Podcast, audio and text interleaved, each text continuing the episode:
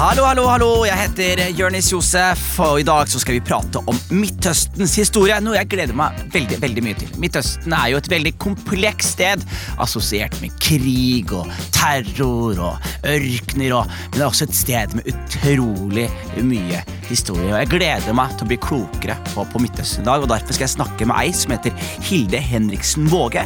Hun er en norsk forsker og historiker med Midtøsten som spesialfelt, og jobber for Institutt for arkeologi, konservering og historie ved UiO. Så jeg håper på å bli klokere i dag, og skal derfor snakke litt med Hilde. Og du hører på Hva vet jeg? med meg, Jørnis Josef. Så sier jeg velkommen til deg, Hilde. Tusen hjertelig takk. Hvor spesifikt ligger Midtøsten? Altså, jeg, jeg tror at navnet Midtøsten er rett og slett ut fra at sant, dette ligger i midten. Det ligger sånn midt mellom Østen og Vesten. Du hadde liksom i gamle, gamle dager Silkeveien, som kom fra Kina gjennom Midtøsten og videre til eh, Vest-Europa. Eh, så det er jo eh, grunnen til at det heter eh, Midtøsten.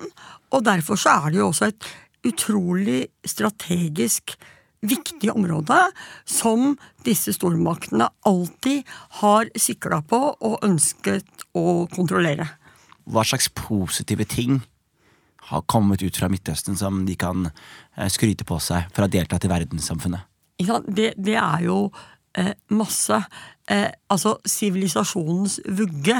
De første liksom menneskelige sivilisasjoner og jordbruk. Det oppsto mellom de to elvene Eufrat og Tigris eh, i dagens Irak. Eh, eh, det var eh, dette osmanske riket var jo kommet kjempelangt når det gjaldt politisk styring og annet.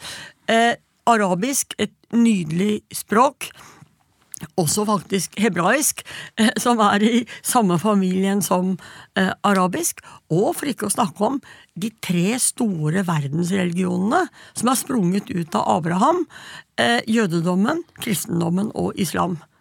Det er liksom virkelig et, et, område hvor, som har gitt oss menneskene i dag mye godt.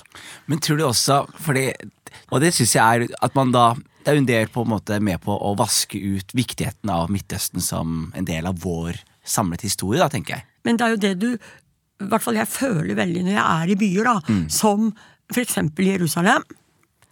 Det er helt utrolig Du lurer litt på Men er du i dag i liksom 2022? Eller er du på Jesu tid? Så får jeg liksom ikke helt bestemt meg. For jeg går liksom inn gjennom Damaskusporten, inn i gamlebyen. Går jeg til høyre, så kommer jeg rett til gravkirken, der de mener Jesus er begravd. Går jeg rett fram, så kommer jeg til klagemuren, der alle jødene står og ber. Og går jeg litt til venstre, så kommer jeg til Al-Aqsa-moskeen, eh, som er den tredje største helligdommen i islam. Og alt dette det ligger på et bitte, bitte lite område.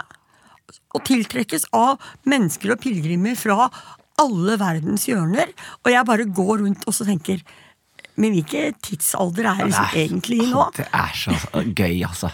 Eh, men alt dette er liksom blitt sånn i glemmeboka fordi vi er så overskygget av eh, kriger og konflikter. Fordi det er jo det som er det neste spørsmålet mitt. Det er jo, dette er et område som også har blitt assosiert med veldig mye krig og, og destabil mm. politikk og diktatorer og, mm. og, veldig mye vestlige makter som må inn og prøve å rydde opp her. Hva, hva er det som har skjedd med Midtøsten? Er det det at det er et strategisk sted, eller er det en, en, noe mer i historiene som tilsier at det, de, de, lever med så mye konflikt, da, om du vil? De, de fleste av eh, mine studenter og de jeg snakker med om Midtøsten, de blir veldig overraska når jeg forteller at ja, men alt som gikk galt i Midtøsten, det begynte etter første verdenskrig. Og da sier alle 'etter første verdenskrig'. Jo, for fram til første verdenskrig, fra 1322 til 1922, det er 600 år, så fantes ikke de landene vi har i Midtøsten i dag. De eksisterte ikke. Det var et kjempestort osmansk rike. Et kjempeimperium eh, eh, som, var liksom det som i dag er Midtøsten. Men eh, dette osmanske riket, eh, det var så dumme at det allierte seg med feil eh, alliert under verden- første verdenskrig med Tyskland. Tapte første verdenskrig, og dermed så ble dette kjempestore osmanske riket et eh, si, krigsbytte for særlig Storbritannia og Frankrike, som nå kunne kaste kloa sine i dette store riket. Og det er veldig fascinerende. Så Det osmanske riket varte fra 1300-tallet, var det du sa? Ja, 1322 1322. til Og, 1922. 600 år. og hvor er det, hvor var det da, hva var da Irak og Iran? Var de bare regioner da i, i det osmanske riket? Eh, Det fantes ikke. Nei. Det, det var, altså, Iran, Perserriket, det var utafor det osmanske riket. Men hvis du tenker deg liksom kjerneområdene, det som vi i dag kaller Tyrkia, Irak, Israel fantes jo ikke, eller Palestina, eller Jordan, eller Libanon, eller Syria Alt er falskt lagd av de to vestlige stormaktene. Så det var ikke noe Irak. Eh, For eksempel Irak, eh, dagens Irak, var tre provinser som het Basra, eh, Bagdad og Mosul. Og det var liksom provinser i dette store osmanske riket som var styrt av sultanen i Istanbul. Så ikke noe Irak. Nei. Ikke noe av dette i det hele tatt. Og hvis du ser på kartet, så ser du at de har eh, eh, passer og linjal og sånn. Streke opp og lave land og grenser uten å spørre noen av menneskene som bor der. Samme som i Afrika. Ja, ikke fullt så mye gærent, Ja. men omtrent akkurat det samme. Med linealer og rette Ja, litt linjer. sånn. Ja. Eh? Du tenker at, eh, at jeg heter eh, Storbritannia, England. Jeg vil ha et godt forhold til mine venner. Og mine interesser og oljen. Jeg heter Frankrike. Jeg vil ha et godt forhold til mine venner. Og så blir de to i hemmelighet, lenge før de har vunnet første verdenskrig, enige om hvem som skal rappe hvilke land når krigen er over. Det er så fascinerende. Og du ser det til og med i Afrika. Det, de, det som var greia der, var at de dro sånne linjer, koloniale linjer. Ja. Og da var det gjerne et, et samme folkeslag som ble splitta over to landegrenser. Og ble gjerne også splitta med to-tre andre folkeslag som de ikke delte kultur eller språk med. Ja. Og dette her var jo grobunnen til veldig mye av konfliktene vi, vi ser i dag. da. Ja. Eh, og det kan jeg se for meg er litt eh, det som skjedde i Midtøsten også. Altså det, det veldig mange eh, tenker på når de snakker om Midtøsten, det er at der er det bare bråk, konflikter, umulige folk, terror. ikke sant? Det er alt det vi tenker på. Men i de 600 årene så bodde faktisk menneskene i det osmanske riket i Midtøsten de bodde sammen og var Jeg skal ikke si at de var alltid like gode venner, eh, men det er etter at stormaktene kommer og lager disse landene, splitter opp folk og lager masse tull, da har det vært kontinuerlig krig og konflikt i Midtøsten siden første verdenskrig. Men er det, hva slags ressurser sitter det stedet på? Man tenker jo gjerne at det er et ørken med, hvor mennesker går med, med barbeint, men så er det jo et sted hvor veldig mange har interesser. Så hva slags ressurser er det de sitter på i Midtøsten? Det er jo særlig enorme oljeressurser. Eh, og du kan si at når, Hvis vi går litt tilbake igjen da, til denne krigsoppgjøret etter første verdenskrig, så var det jo veldig viktig for England og Frankrike å sikre ressurser som de var interessert i. Og da er det jo sånn at eh, England eh, vil veldig gjerne ha kontroll over det som er eh, dagens Irak. De hadde akkurat funnet olje, eh, også i nabolandet Iran. Eh, de hadde også akkurat funnet begynt å finne olje i Saudi-Arabia. Så her skjønner jo eh, britene at her er det viktige interesser. Og så er det, eh, hvis vi nå liksom ser for oss kartet, så har du denne Suezkanalen. Som går liksom tvers gjennom Egypt, og som er liksom livlinja på transport og båttransport fra Østen til Vesten og motsatt vei. Eh, så, så det er jo også et viktig knutepunkt for eh, handel og eh, kjøp og salg av alle mulige varer og tjenester. Og så har du liksom kulturen og religionen i tillegg. Eh, eh, og da betyr det at hvis du er en stormakt, så vil du gjerne sitte midt i dette smørøyet som heter Midtøsten, for å ha eh, mye kontroll. Og det var jo akkurat det som eh, Frankrike da og Storbritannia eh, ønska å sikre seg etter første verdenskrig. Er det noe ønske om å eie territorier eller ta over land? Eh, eller er det mer eh, territoriale og, og ressurser som er i senter for krigene? Det er nesten det motsatte. Altså det som eh, hvis, vi, hvis vi ser litt sånn stort på det, eh, så kan vi ta et land som Irak. Irak. Eh, hvor du, eh, hvor, og dette er jo det som skjer i mange land, da, men vi tar Irak eksempel. Der, der kommer jo da eh, en mann som heter Saddam Hussein til makten. Et grusomt, grusomt eh, styre. Men ikke sant, sånne grusomme styrer, det har en i gåseøynene fordel, og det gjør at folk blir så redde at de tør ikke gjøre noe opprør. Når du har sånne terrorvelde. Og så sånn at Irak består, og Bagdad styrer og herser med eh, både sjiaene i sør og kurderne i nord. Og så kommer da disse våre venner amerikanerne i 2003 og finner ut at nei, nå eh, finner George W. Bush ut at nå skal han gå til korstog eh, mot Irak. I, til og med i kristendommens navn. Den ene religionen her er i hvert fall ikke noe bedre enn den andre. Ja. Så USA invaderer Irak. Det blir jo, som vi nå vet, eh, et fryktelig blodbad. Og det det ender med, er at når amerikanerne da har trukket seg ut, er at du får en oppløst stat. Og det er dessverre det du ser i veldig mange eh, stater. Eh, Somalia, som du kommer fra, som ikke jeg kan så mye om. Men ikke sant? Du får Libya, opp- Libya Egypt. Syria, Syria. Ikke sant? Du får oppløste stater. For at det egentlig det aller verste eh, med stormaktsinnblanding, det er at en stormakt går inn, fjerner et regime, og så ikke setter inn noe i isteden. Da får du oppløste stater. Og det er det farligste vi ser eh, i Midtøsten i dag. Stater går i oppløsning. Ikke noen sterke sentralmakter. Interessegrupper. Maktvakuum. IS, terrorgrupper, maktvakuum, eh, sult, fattigdom osv. Jeg kan, jeg kan ikke se for meg hvordan man skal gå fra å være en oppløst stat til å Nei. fungere igjen. Og det syns jeg er veldig Ja, det er veldig vanskelig. Nei, og, og vi som er eh, historikere og jobber med internasjonal politikk, eh, vi sitter jo liksom og, og, og river oss i håret hver gang vi ser en stormakt. da. Afghanistan, Irak, Syria. Eh, ikke sant? De går inn eh, i, med full musikk og bomber og hei og hopp, og så drar de ut igjen. Og så sitter bare folk igjen. Så hvis du da tar eksempel Syria, så kan du si at der var det også et grusomt regime. Det er det jo liksom overalt.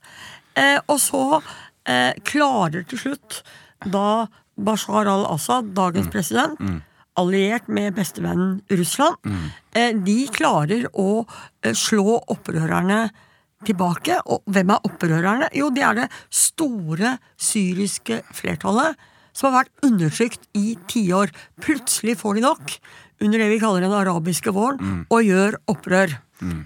Men så går jo ikke det så veldig bra, fordi at eh, regimet er alliert med Russland. Og så får du denne nabolandet Irak som er oppløst. Der får du gruppa som heter Den islamske staten. Og det som er farlig i sånne oppløste stater, er at da får du sånne grupper som bare tar seg til rette, og som styrer ved hjelp av frykt og terror. Så i retrospekt så hadde det kanskje nesten vært bedre å støttet opp om et totalitært eh, regime. Men, men det er jo en fryktelig ting å si. Men det er jo helt riktig. Altså fordi at, fordi at det, det, går liksom nesten ikke an å si, verken deg eller meg, å si at ja, men vi støtter egentlig opp om Saddam Hussein. Og så støtter vi opp om Bashar al-Assad. Ja, Gaddafi og- eh, Gaddafi, ikke sant? Det, men, men, men det farligste er eh, når stormaktene går inn, og så går ut igjen. Du kan bare vente på Afghanistan, hvordan det kommer til å gå.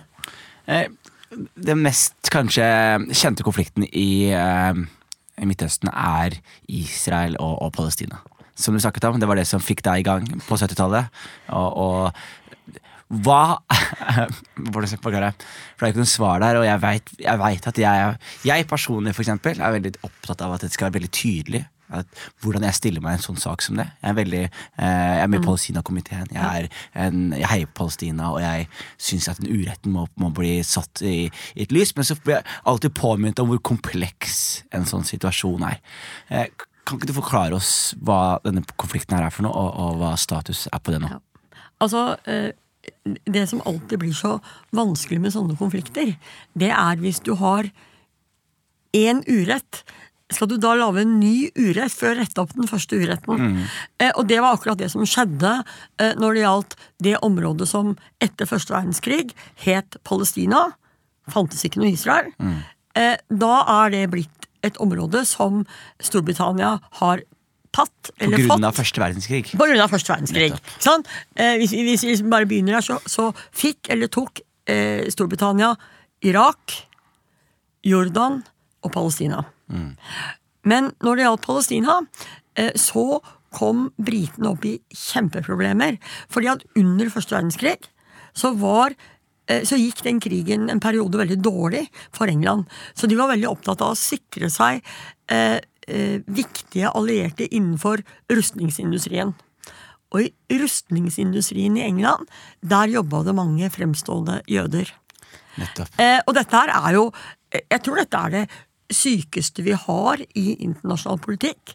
Det er når den britiske utenriksministeren i 1917 lover til lederen for den britiske sionistbevegelsen, altså en sånn frivillig organisasjon, at hvis dere bare støtter oss i første verdenskrig, da skal vi gi dere et land nede i Midtøsten. eh, eh, Det der landet rundt Jerusalem. Hvis dere bare støtter oss. Det er ganske sprøtt, da. Er ikke det sprøtt? Det At, du, at, du, at du, lover, du sitter borte i London, og så lover du en sånn frivillig organisasjon at hvis dere støtter oss i krigen, så skal vi gi dere et land i Midtøsten hvor britene ennå ikke har en eneste soldat. Og det, og det som er viktig å si, også, fordi det var jo ikke et land der før, men det da var er et det osmansk rike, vet du. På Ja, men det er jo et folk der. ja, ja. Ikke sant? Og det, det er jo mennesker som bor der, som er en del av det området. Eh, Og de som bor der, de er da eh, arabere, altså det som i dag er palestinere, og det bor nesten ingen jøder. For at jødene har blitt kasta ut av Romerriket rundt år 70. Og Romerriket, er de kristne? Eh, Romerriket er kristen. Ja, okay, bare sånn at Ja, det, ja, er, det er ikke muslimene som kasta ut jødene, nei, da? nei, nei, de bor der. Muslimene har egentlig eh, Det er mulig noen sier at ikke de har blitt greie med åra, men de har vært helt greie. De har, liv, liksom, de har liv, vært greie og bodd i, dis, i Midtøsten. Sammen med de andre minoritetene, også jødene. Men Romerriket blir så lei av jødene som bare lager opprør, at de bestemmer ingen jøder får lov til å bo i Palestina. Tar de alle sammen vekk. Dreper mange og tar vekk resten. Mm. Så det bor ingen jøder der. Nesten ingen. Men så kommer første verdenskrig, og så sier da England hvis dere støtter oss jødene, så skal dere få et land. Og det er faktisk det de gjennomfører. I denne Balfour-erklæringen så lover britene all verdens jøder at de skal lage en jødisk stat i Palestina. Møter de motstand? Ja, ja. Ja. For at der bor det jo eh, palestinere. Arabere. De har bodd der bestandig.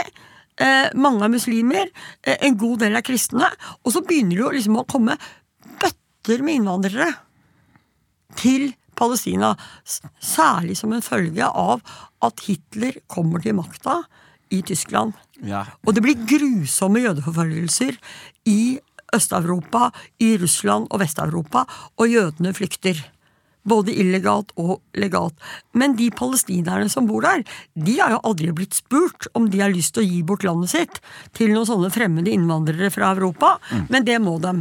Og dermed så er det skapt grobunn for en konflikt eh, allerede før andre verdenskrig. Og når verden får, får se det grusomme folkemordet på jødene, seks millioner jøder blir drept, så har de så dårlig samvittighet. Og så syns egentlig de vesteuropeiske landene at det er kjekt å bli kvitt resten av sine jøder. For de kan bare sende dem til Palestina. Og det er det de gjør. Det er grobunnen eh, for hele konflikten. Og da er det på en måte viktig å huske på at grov urett ble begått mot jødene folkemord på jødene. Men det er veldig vanskelig å si at da kan vi bare ta land fra noen andre som ikke har noe med dette å gjøre. Og utsette s- dem for Ja, grov urett. Nettopp. Det er problemet med denne konflikten. Eh, sånn at, eh, og så etablerer jo staten Israel seg eh, med stor støtte fra vestlige stormakter. Blir, og er en av verdens femte sterkeste militærmakter. Og tar alt landet og skaper et stort palestinsk flyktningproblem. Og resten av palestinerne eh, lever i dag under israelsk okkupasjon. Ok, Jeg merker vi kan snakke om dette her i evigheten, men nå skal jeg prøve å oppsummere samtalen vår eh, så godt som eh, mulig. Først og fremst, du eh, jobber jo eh, med Midtøsten. Og du forteller meg at Midtøsten er mer enn disse konfliktene vi ser nå. Eh, Midtøsten sine største problemer begynte vel etter at første verdenskrig ble oppløst, fordi de var så eh, dumme i, i, i gåstegn at de allierte seg med tyskerne, som gjorde at eh, dette her ble løst opp. Og, og ikke bare løst opp, men det ble delt og fordelt med linjaler mellom disse vinnerne av den første verdenskrigen, som har skapt et veldig destabilt område som fortsatt lider av konsekvensene av dette her. Men hvis du går tilbake da til hva Midtøsten har bidratt med i det store bildet, så er det episenter for sivilisasjon, sier du, i, i Bagdad der, mellom el- elven i Tigris og hva heter det andre stedet? Eufrat og Tigris. Ja, mellom de to elvene. Mellom de to elvene så, så dukket det opp da grobunn for sivilisasjon. Jordbruk dukket opp der. Det er også der skriftspråk og, og, og eh, tallsystemet vårt og verdensreligionene fra de abrahamistiske religionene som jødedom, kristendommen og islam har, har kommet ifra. Så det er et sted som har gitt oss veldig mye. Men det er også et sted som er plassert midt mellom Østen og Vesten, ergo navnet Midtøsten, som gjør det til et strategisk viktig sted for militære stormakter. Så det er et sted som har opplevd eh, veldig mye eh, konflikt, og mye av disse tingene her har vært at eh, Vesten også har blandet seg litt uheldig mye. Sånn som man ser sånne onde ledere som Saddam Hussein og Gaddafi, og, og man bestemmer seg for å bare fjerne dem, og istedenfor å erstatte dette maktvakuumet med et alternativ, så trekker man seg ut, som gjør at eh, veldig mange mennesker eh, begynner å krangle om makten, som er mye av disse problemene vi ser i dag. Og vi hadde den kontroversielle meningen om at uh, man kanskje burde støttet opp om uh, totalitære regimer uh, i, i fremtiden. Det får vi se på. Og så er det denne konflikten i, i Israel og Palestina som er kanskje den mest synlige og, og mest sentrale konflikten i Midtøsten. I hvert fall rundt middagsbordene fortsatt. Man vet ikke hvordan det utarter seg i, i Midtøsten, men heldigvis har vi ei som deg, Hilde, som gjør oss i hvert fall litt klokere på det. Var det en god oppsummering?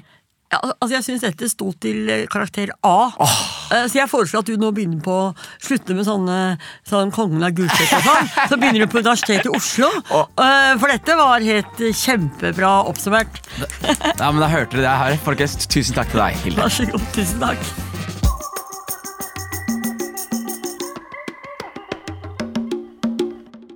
Produsert av både og for NDLA.